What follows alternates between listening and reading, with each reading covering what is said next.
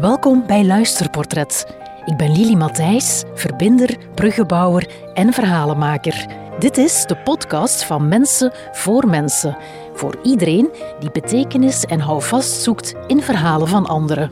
Als ik het vanuit mijn hart zeg, dat het ook wel goed komt en dat die personen, of die ene persoon, dat die dat na verloop van tijd mij wel zal vergeven dat ik dat gezegd heb.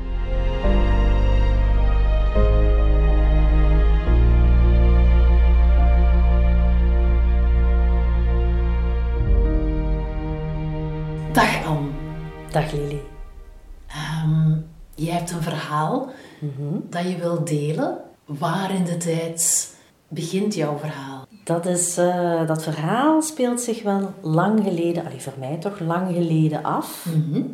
Ik was eh, toen acht jaar Ja.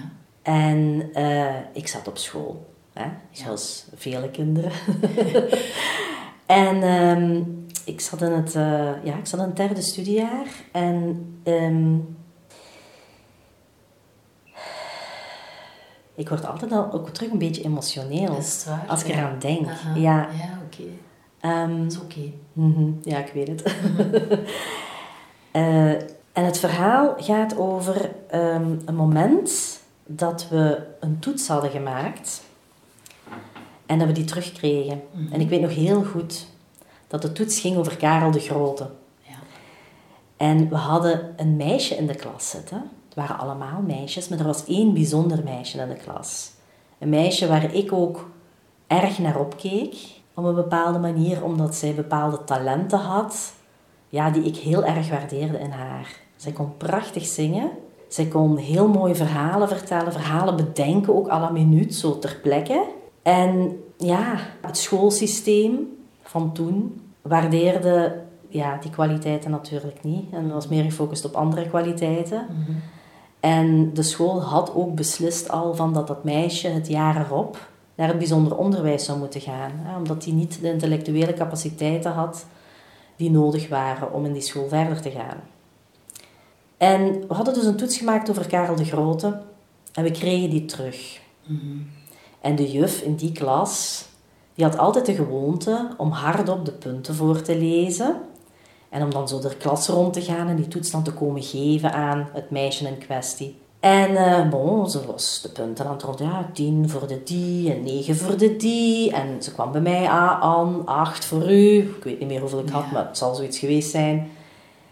En dan dat meisje, dan zei ze van, allee, die hield ze voor het laatste, dan zei ze van, ja, uw punten ga ik nog niet vertellen, maar ik ga uw toets voorlezen. En ja, je zag al heel de klas in spanning zitten wachten van, wat gaat er komen? Ja. En de juf begon effectief alle vragen voor te lezen en alle antwoorden die zij daarop gegeven had. En die antwoorden die waren compleet fout, Ja. hè, volgens de historiek. Ja. Maar ik was heel geboeid aan het luisteren, omdat dat een heel mooi verhaal was dat hij gecreëerd had. Dus ik had zoiets van, wauw, kei leuk, origineel, tof. Zo had het kunnen geweest zijn. Dat was wel veel plezanter geweest.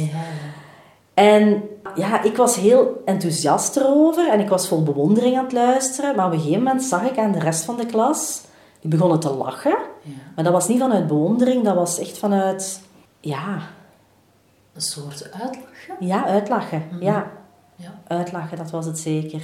En ik had ook de indruk dat dat de bedoeling was van de juf. Om dat meisje belachelijk te maken. En ik voelde in mijzelf echt ja, een woede groeien. Ja. Ik was altijd al als, als, ki- als kind, als ik onrechtvaardigheid zag of voelde, dat, dat deed mij echt iets. En op een gegeven moment had de juf gedaan met het verhaal voorlezen.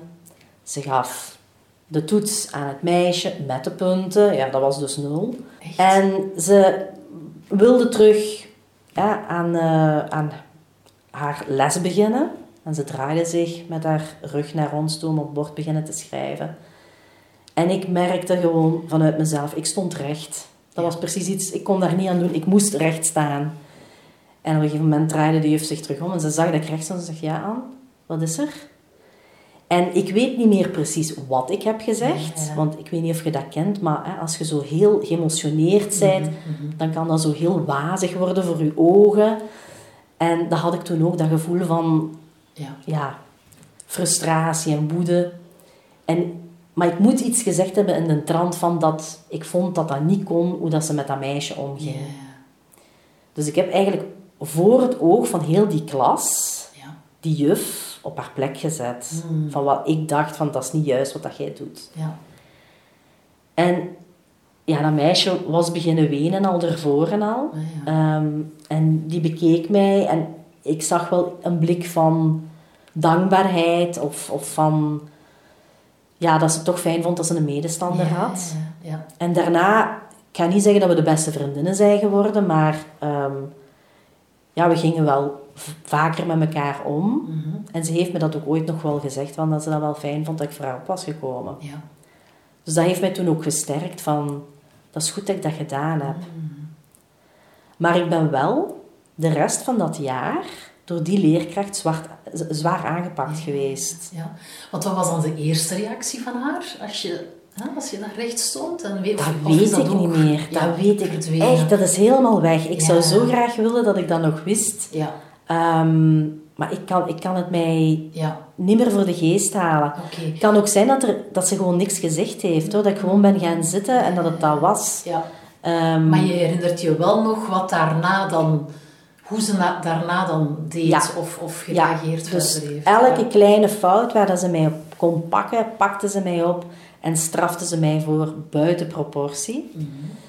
Ehm, ja, mijn ouders, ja, dat waren heel brave mensen naar school toe. Die hebben altijd gezegd, ja, schrijf maar braaf je straf en, hè, Mhm. of doe maar braaf wat de juf zegt. En ja, Anne, je moet leren om je waarheid voor jezelf te houden. Dat is de boodschap waarmee ik ben opgegroeid. Ja. Mhm. Terwijl ik ja, altijd al een kleine activist ben geweest. Ja, Hè? Ehm, en dat ben ik nog steeds. Hè? Ehm, of dat ben ik terug. Ja. Ehm, dus ja, ik heb, dat, ik heb dat doorstaan. En ook de rest van mijn schooltijd daar. Ik ben daar op school blijven gaan. ja. Dus je zat in het lager. Ik zat in Dus het lager. Heel je lagere schoolperiode heb je daar. Heb ik dat meegenomen, ja. En hoe zeker ben je dat, dat haar gedrag veranderd is door, door dat gegeven? Niet. Daar ben ik zeker van dat dat niet veranderd is. Want ja, ze is zich zo blijven gedragen. En zij heeft gewoon als oplossing eh, ja, mij tot zondebok of zwart schaap van de klas gemaakt. En, en eigenlijk alle ogen naar mij doen richten. Maar bon, daarmee, wat voor mij wel winst was, was oké, de ogen zijn nu tenminste niet meer op dat meisje gericht. Hè? Zij is niet meer het slachtoffer, maar ik was dan het slachtoffer. En ja, wat dat dan wel bij mij teweeg heeft gebracht, is ook omdat ik dan zo behandeld werd daarna, is dat ik toch wel begon te twijfelen aan mezelf. En ook omdat mijn ouders zeiden van, je moet dat niet doen, je moet dat niet doen. Ja. Ik begon dan heel erg te twijfelen van, had ik het dan wel bij het juiste einde? Terwijl, ja, natuurlijk. Want het is uitsluiting. Maar ja, ik was een kind. Ik, ik wist het allemaal nog niet zo goed. Maar later ehm, heb ik een training gegeven aan een groep mensen uit het onderwijs. En heel bijzonder, maar ik heb toen dat verhaal ook verteld. Omdat dat een goed voorbeeld was voor hetgeen waar ik training over gaf. Ja, ja. En een van de deelnemers in die groep, die, zei, die kwam tij- tijdens de pauze naar mij en die vroeg mij naar de naam van die leerkracht. En ik zeg, ja, dat was die mevrouw. En ze zegt, ja, ik dacht het wel. En ik, ik schrok dan, ik zeg, wauw, hoezo? Ja, we hebben daar nog klachten van ontvangen. En gelijkaardige dingen, dat ze inderdaad kinderen verkeerd aanpakten. Ja, ja, ja. En dat heeft mij ook wel terug doen, allee, aansterken in van, ah ja, oké, dan was ik misschien toch wel juist. Dus daar heb ik ook altijd aan zitten twijfelen van, ben ik nu juist om te reageren of niet? Aha, ja. En hoe, hè, want je zegt die training, dat is dan zoveel jaren later. Hè, maar als, Ja. als je dan even teruggaat meer Ja. naar de tijd, hè, als Ja. achtjarigen en daarna, Mhm. ehm, heb je daar wel heel lang mee gezeten van...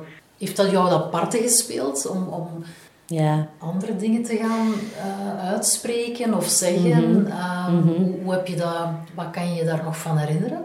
Ja, ik kan, als ik er nu op terugkijk, kan ik ook echt zeggen van, dat is echt wel een trauma geweest. Dat heeft echt wel iets veroorzaakt bij mij. En ehm, wat ik mij herinner is dat ik inderdaad twijfelde naar mezelf toen ik kind was. Ehm, en mij inderdaad wel wat begon in te houden en maar naar mijn ouders luisterde om toch zeker niks fouts te zeggen of fout te doen. Maar bijvoorbeeld bij mijn, tijdens mijn puberteit en zeker in situaties waar ik van voelde van, ach ja, hier maakt het niet zoveel uit voor mezelf hoe mensen over mij denken of wat dat de gevolgen zijn, ehm, sprak ik mij wel uit. Maar ja, hè, puberteit, dat betekent ook rebelleren. En als ik erop terugkijk, dan ehm, kan ik ook wel zeggen dat ik ook wel te hard rebelleerde. Hè? Bijvoorbeeld in de middelbare school, dat ik echt wel ehm, ja, daar vrij ver in ging. En, en als ik er nu op terugkijk, ook van dat ik rebelleerde soms om te rebelleren. Hè? Dat het op zich het doel, dat het niet zo belangrijk was, maar gewoon mij kunnen afzetten en, en, en een dikke middelvinger opzetten. Hè? Eh, of kunnen mensen op hun fout wijzen, hè? zodat Ja.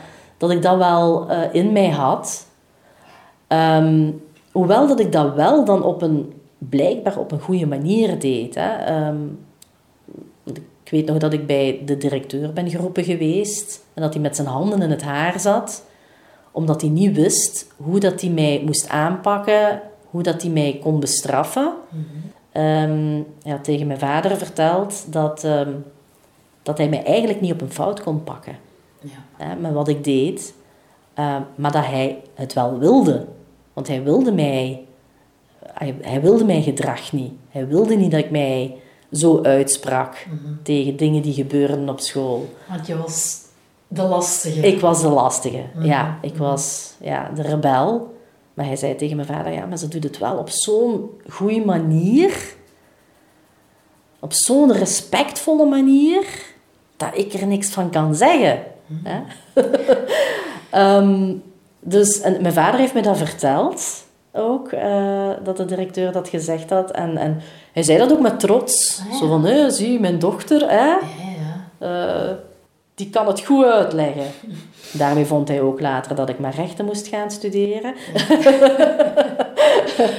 Ehm, maar ehm, ja, dat, dat, dat heeft mij een stukje gesterkt van, ah ja, blijkbaar zijn de dingen die ik doe of zeg of waar ik voor opkom, wel goed om uit te spreken.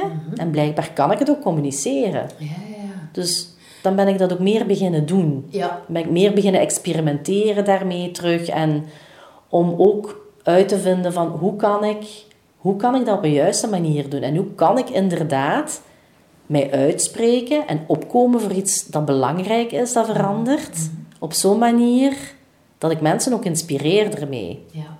En zonder de verbinding te verliezen. Ja. Want wanneer is dan, hè, want ik heb jou ook horen zeggen van, ehm, dat er dan toch ook wel een periode was dat je je echt inhield. Ja, Ehm, is dat dan met stapjes Dat teruggekomen? stapjes, En, en ja. het schoolvoorbeeld dat je nu aanhaalt ja. met de directeur, dat was dan een stapje? Dat is een van de stapjes geweest. En er zijn ook andere kleine stapjes geweest ervoor. Dat is zo met vallen en opstaan altijd, hè? zoals alles in het leven. Ja. En het inhouden heb ik ook wel gedaan als kind en als puber. Maar in mindere mate dan vanaf het moment dat ik ging werken. Omdat op het moment dat je gaat werken, dan staat er veel op het spel. Hè? In je job bijvoorbeeld. Hè? Ja. Je uitspreken in een team bijvoorbeeld. Ja, dat is niet zo evident. En dat heb ik wel een paar keer gedaan. Wat heb je dan gedaan? Mij een paar keer uitgesproken in een team. Ja, ja, ja. Ehm, bijvoorbeeld een leidinggevende erop gewezen dat hij grensoverschrijdend gedrag vertoonde. Oké.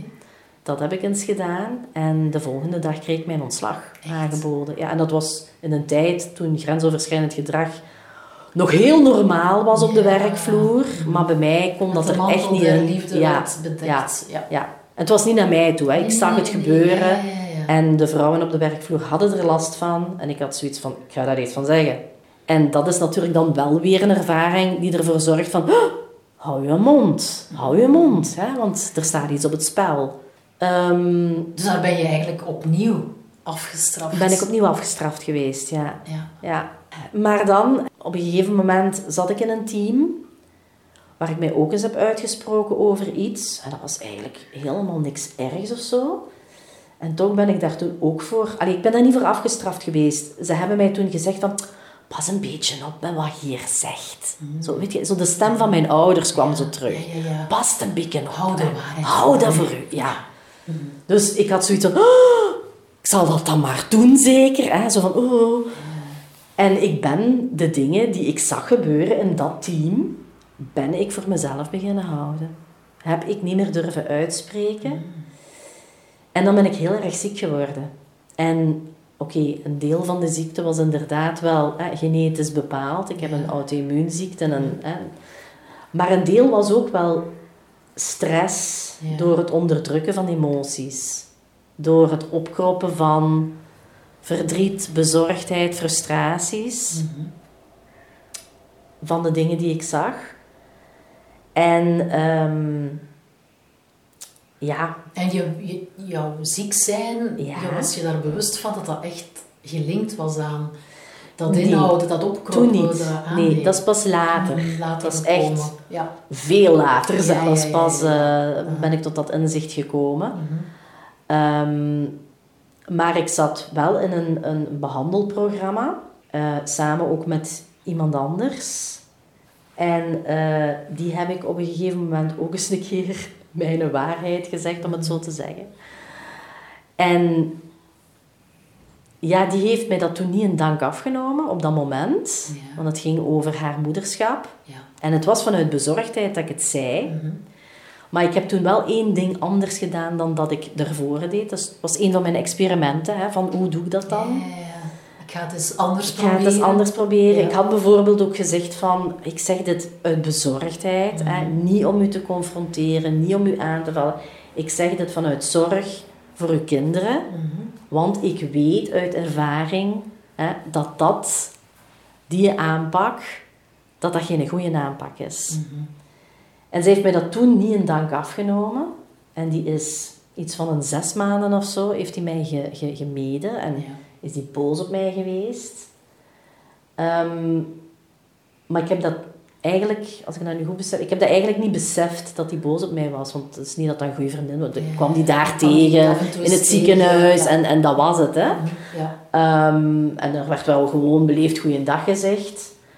Maar op een gegeven moment, na een half jaar of zo, is die naar mij toegekomen en zei die Anne, ik wil u iets zeggen. Weet je nog dat je mij dat verteld hebt toen? Ik zeg, ja, dat weet ik nog.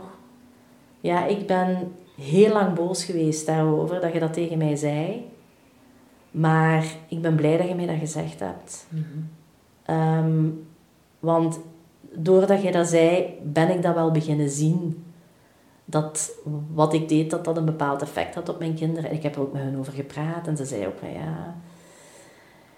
En ik heb dat nu veranderd. Mhm wat heel goed is geweest. Dus ik wil u bedanken dat je u hebt durven uitspreken tegen mij daarover. En ik had zoiets van, huh? En ik kwam zo helemaal uit de lucht gevallen van, wat, wat, wat? Ja. Want ik was mij daar niet van bewust.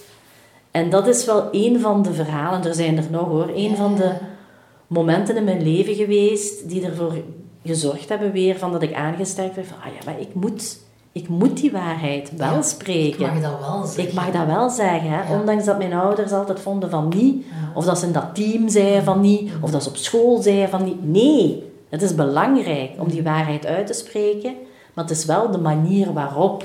Hè? Uh, je moet niet iemand voor een grote groep leerlingen bijvoorbeeld, hè, ehm, ja, ja, ja, naar beneden halen, om het zo te zeggen. Want zo voelde dat waarschijnlijk voor die leerkracht, voor die juf. Ja. ik pakte eigenlijk haar gezag af.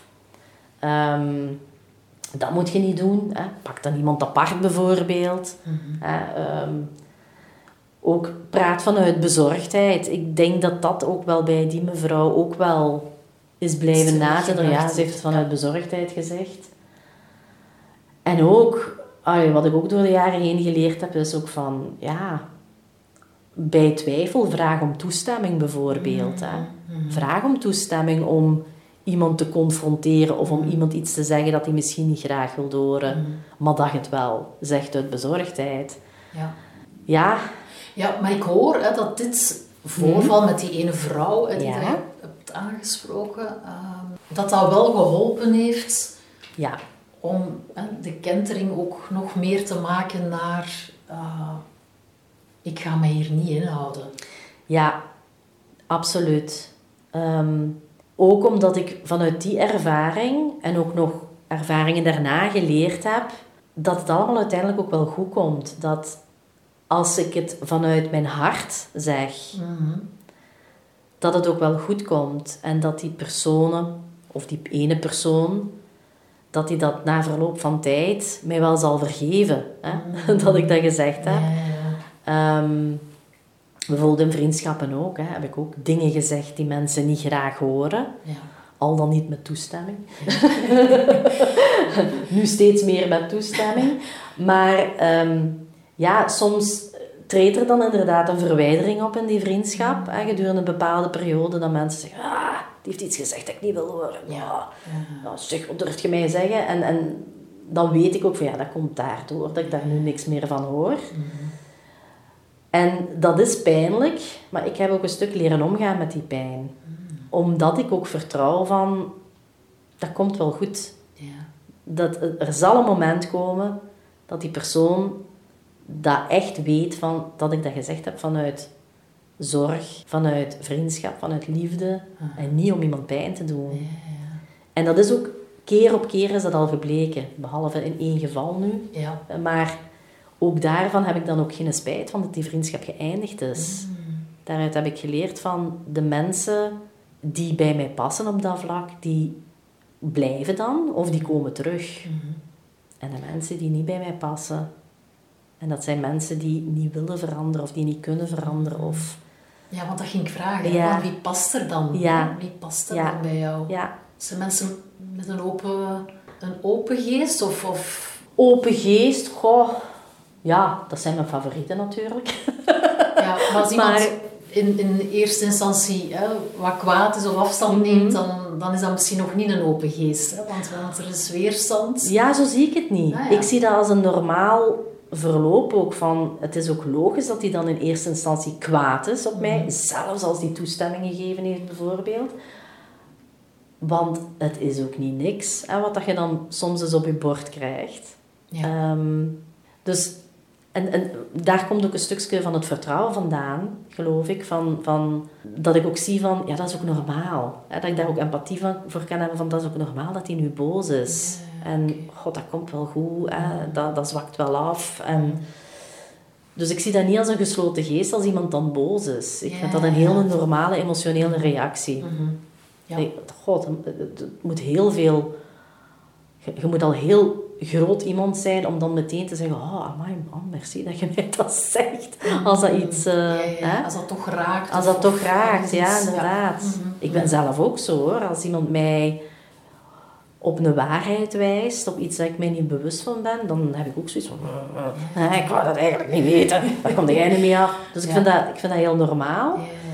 Eh, maar wie past er dan bij mij? Goh, ik denk dat dat eh, vooral mensen zijn die... Ja, toch eerder gericht zijn op bewustzijn en groei, Mhm. uiteindelijk. ja. Ook al zijn ze zich misschien niet altijd bewust van het feit dat ze willen groeien, maar dat dat uiteindelijk wel de conclusie is. Ja. Dat is ook heel, heel schoon als ik jouw verhaal hoor. Zo dat diep vertrouwen. Hè, van oké, je zegt iets. Mhm. Het kan binnenkomen bij een ander. ja, Mhm. de, de empa- ja, je, je kan je daar ook in inleven. En, en tegelijkertijd hè, zeg je ook van... Het komt wel goed. Ja, dat, is ik ook niet evident. Hè? Dat is niet evident. Nee, en dat is ook niet altijd. Hè. Ik bedoel, bij mij slaat ook wel eens de twijfel toe. En ik heb ook nog altijd dat ik mij wel inhoud. Dat ik denk van, dat ga ik nu toch niet zeggen. Ja. Of zelfs dat mensen mij erom vragen. Want dat heb ik ook heel vaak. Hè. Dat mensen mij komen vragen van... Wat vind jij daar nu van? Wat vind jij daar nu echt van? En dat ik dan denk van... Ja, ik vind er iets van, maar ik ga dat nu niet zeggen. Omdat ik voel van... ja. Het is nu de moment niet. Mhm. Ehm,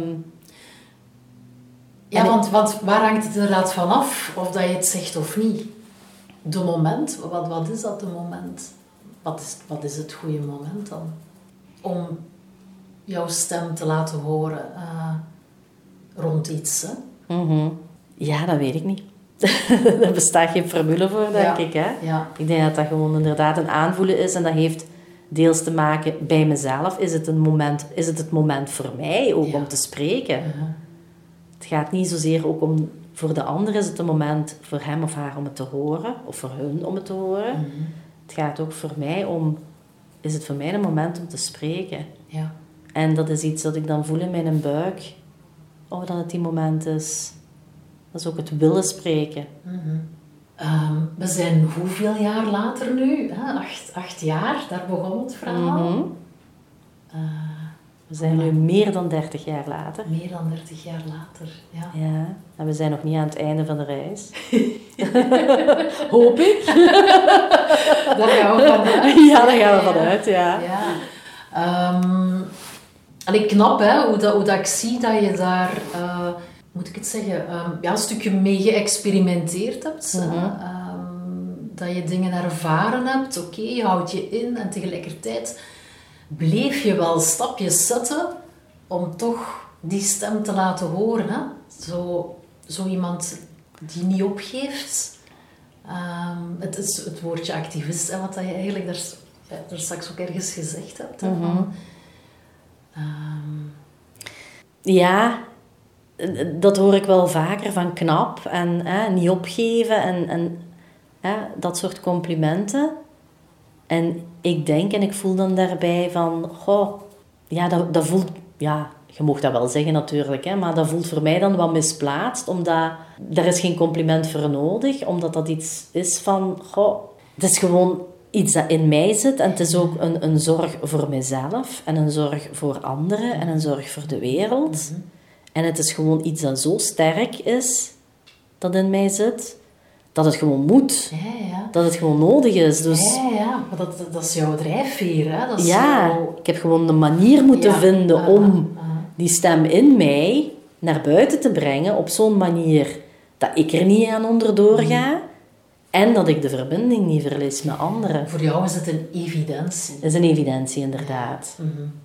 Eh, dat activisme, of dat dan nu iets kleins is of iets groots, dat is voor mij evident ja, om te doen.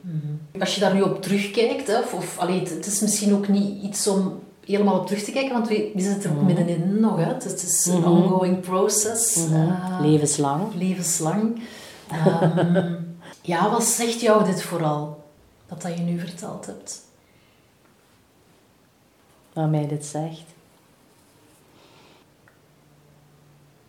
Doet je wat het mij zegt aan mijzelf? Bijvoorbeeld?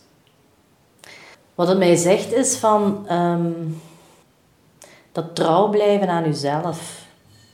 Of laat ik het anders formuleren, dat trouw blijven aan mezelf. Dat dat mijn hoogste waarde is.